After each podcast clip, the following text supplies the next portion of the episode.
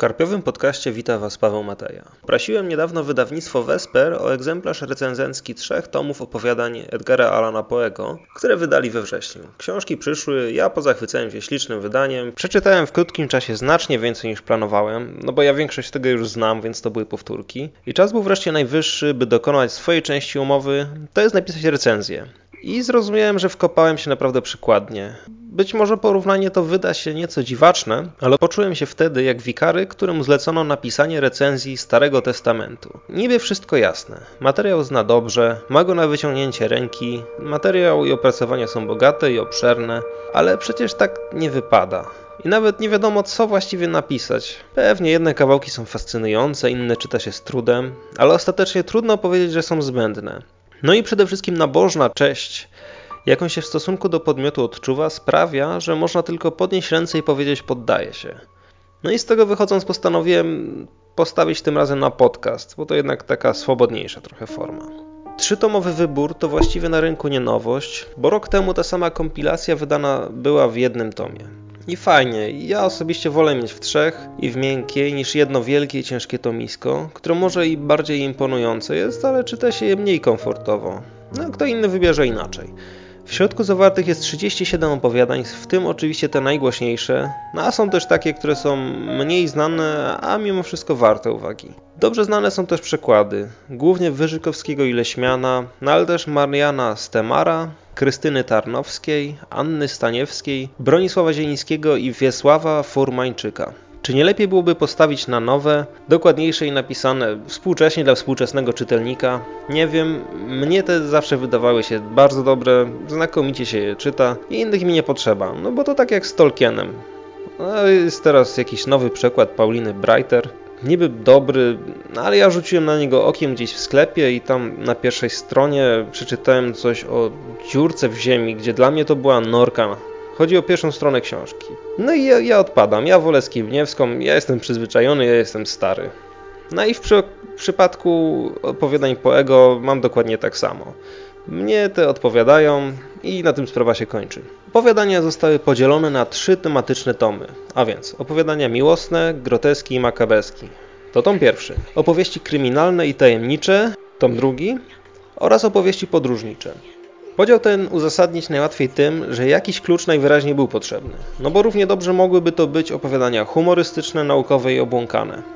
Problem w tym, że Edgar Allan Poe raczej tworzył gatunki, które są do tej pory używane, no i jakieś style, niż się w nich sam osadzał. No i raz pisał opowiadanie grozy, które miało jakieś cechy, cechy humoreski, innym razem przerażający opis związku miłosnego, albo opisywał podróż morską. Jestem przekonany, że współcześnie twórcy horroru mało siedzą w podobnej literaturze, no a mówię tutaj cały czas o poem. No a szkoda, bo te niby ramotki dziadka Edgara do tej pory straszą wcale dobrze. No a przy tym zachwycają doskonałością formy.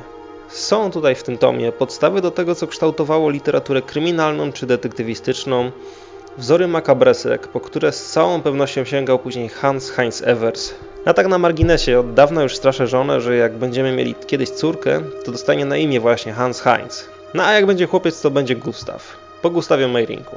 A ten z opowiadań Poego też niemało konceptów czerpał. I to zarówno do swoich humoresek, jak i opowiadań przerażających. Bezpośrednich inspiracji u współczesnych pisarzy jakoś specjalnie szukać nie mam zamiaru.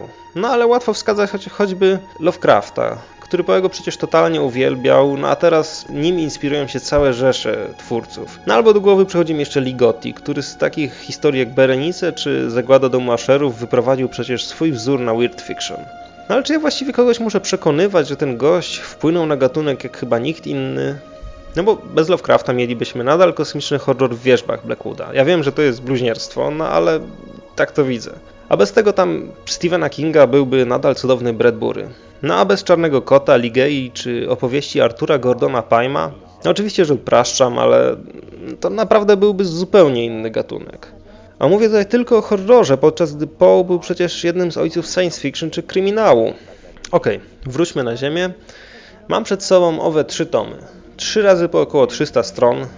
Stron całkiem nieźle opracowanych merytorycznie, bo są przypisy zarówno oryginalne autora, jak i dodane w czasie redakcji. Nie ma ich znowu jakieś przesadnie dużo, ale kilka naprawdę jest takich... Hmm, interesujących, jeśli kogoś interesują przypisy. Są kapitalne ilustracje Harry'ego Clarka, czarno-białe, ale raczej z przewagą tego pierwszego koloru. Ja ogromnie lubię, jak dba się o estetykę wydania. Tutaj mamy ładnie zaprojektowane strony tytułowe wszystkich opowiadań, bez przesady, bez cudów, no ale ze smakiem. Do tego papier ekologiczny, taki szarawy, co ja też bardzo lubię, bo to czyta się o wiele wygodniej. No i trudno cokolwiek zarzucić temu wydaniu, bo i na półce fajnie wygląda, no i czyta się wygodnie. No i wiadomo, nie jest to jakieś takie absolutnie wymuskane kolekcjonerskie arcydzieło, ale no nie wiem, czy wydano jakiś ładniejszy, a przy okazji równie obszerny wybór w Polsce. Jeśli zaś chodzi o treść samą w sobie, to sam nie wiem, co mógłbym o niej powiedzieć, żeby nie skończyło się to obślinieniem mikrofonu. Ja Edgara Alana Poego absolutnie uwielbiam. A może trochę powspominam dawne czasy. Swoją przygodę z horrorem zacząłem gdzieś na przełomie podstawówki i gimnazjum, to ho ho ho lat temu.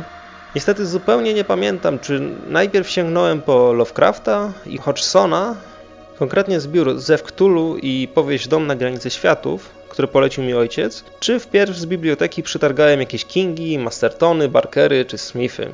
Bardzo mi ta literatura wtedy siadła, ale traktowałem ją raczej jako dodatek do science fiction, fantazy, jakichś powieści Werna czy przygód pana samochodzika, do czego nie wstydzę się przyznać. I tak ów romans ciągnął się przez całe liceum, aż w końcu, gdy przed studiami wyjeżdżałem do Holandii do pracy, zabrałem ze sobą z jakiegoś powodu właśnie kilka horrorów. Dobrze mi znany Dom na granicy światów, czy portret Doriana Greya, który zauroczył mnie po prostu swoim tytułem. A później cała powieść też mnie zauroczyła. No ale był tam też nieduży zbiór opowiadań Poego, który wypożyczyłem z kozielskiej biblioteki.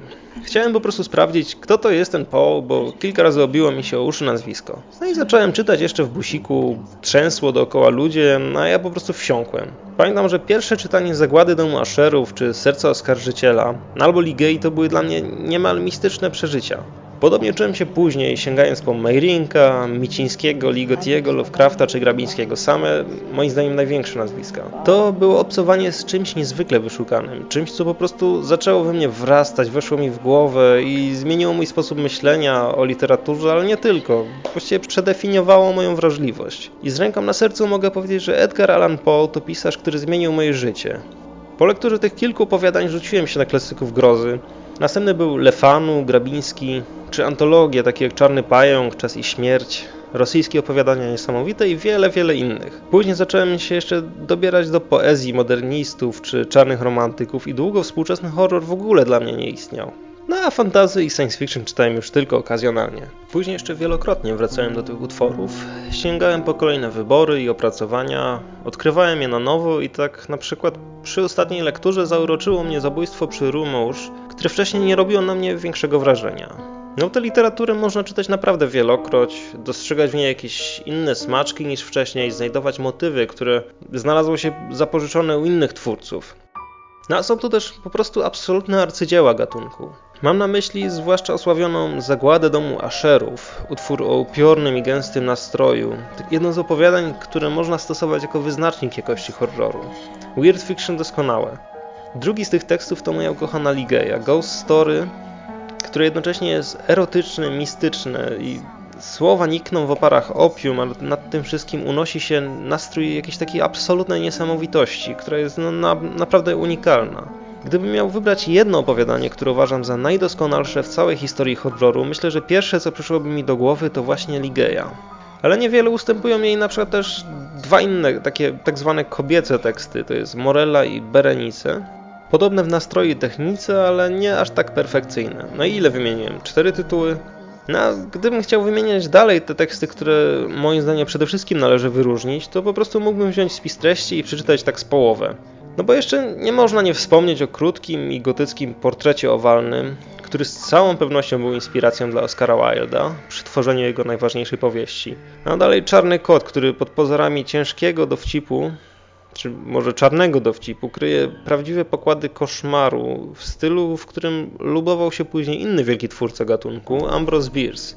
Albo najdłuższy utwór, opowieść Artura Gordona Pyma, która mogłaby być kwalifikowana już jako mini powieść.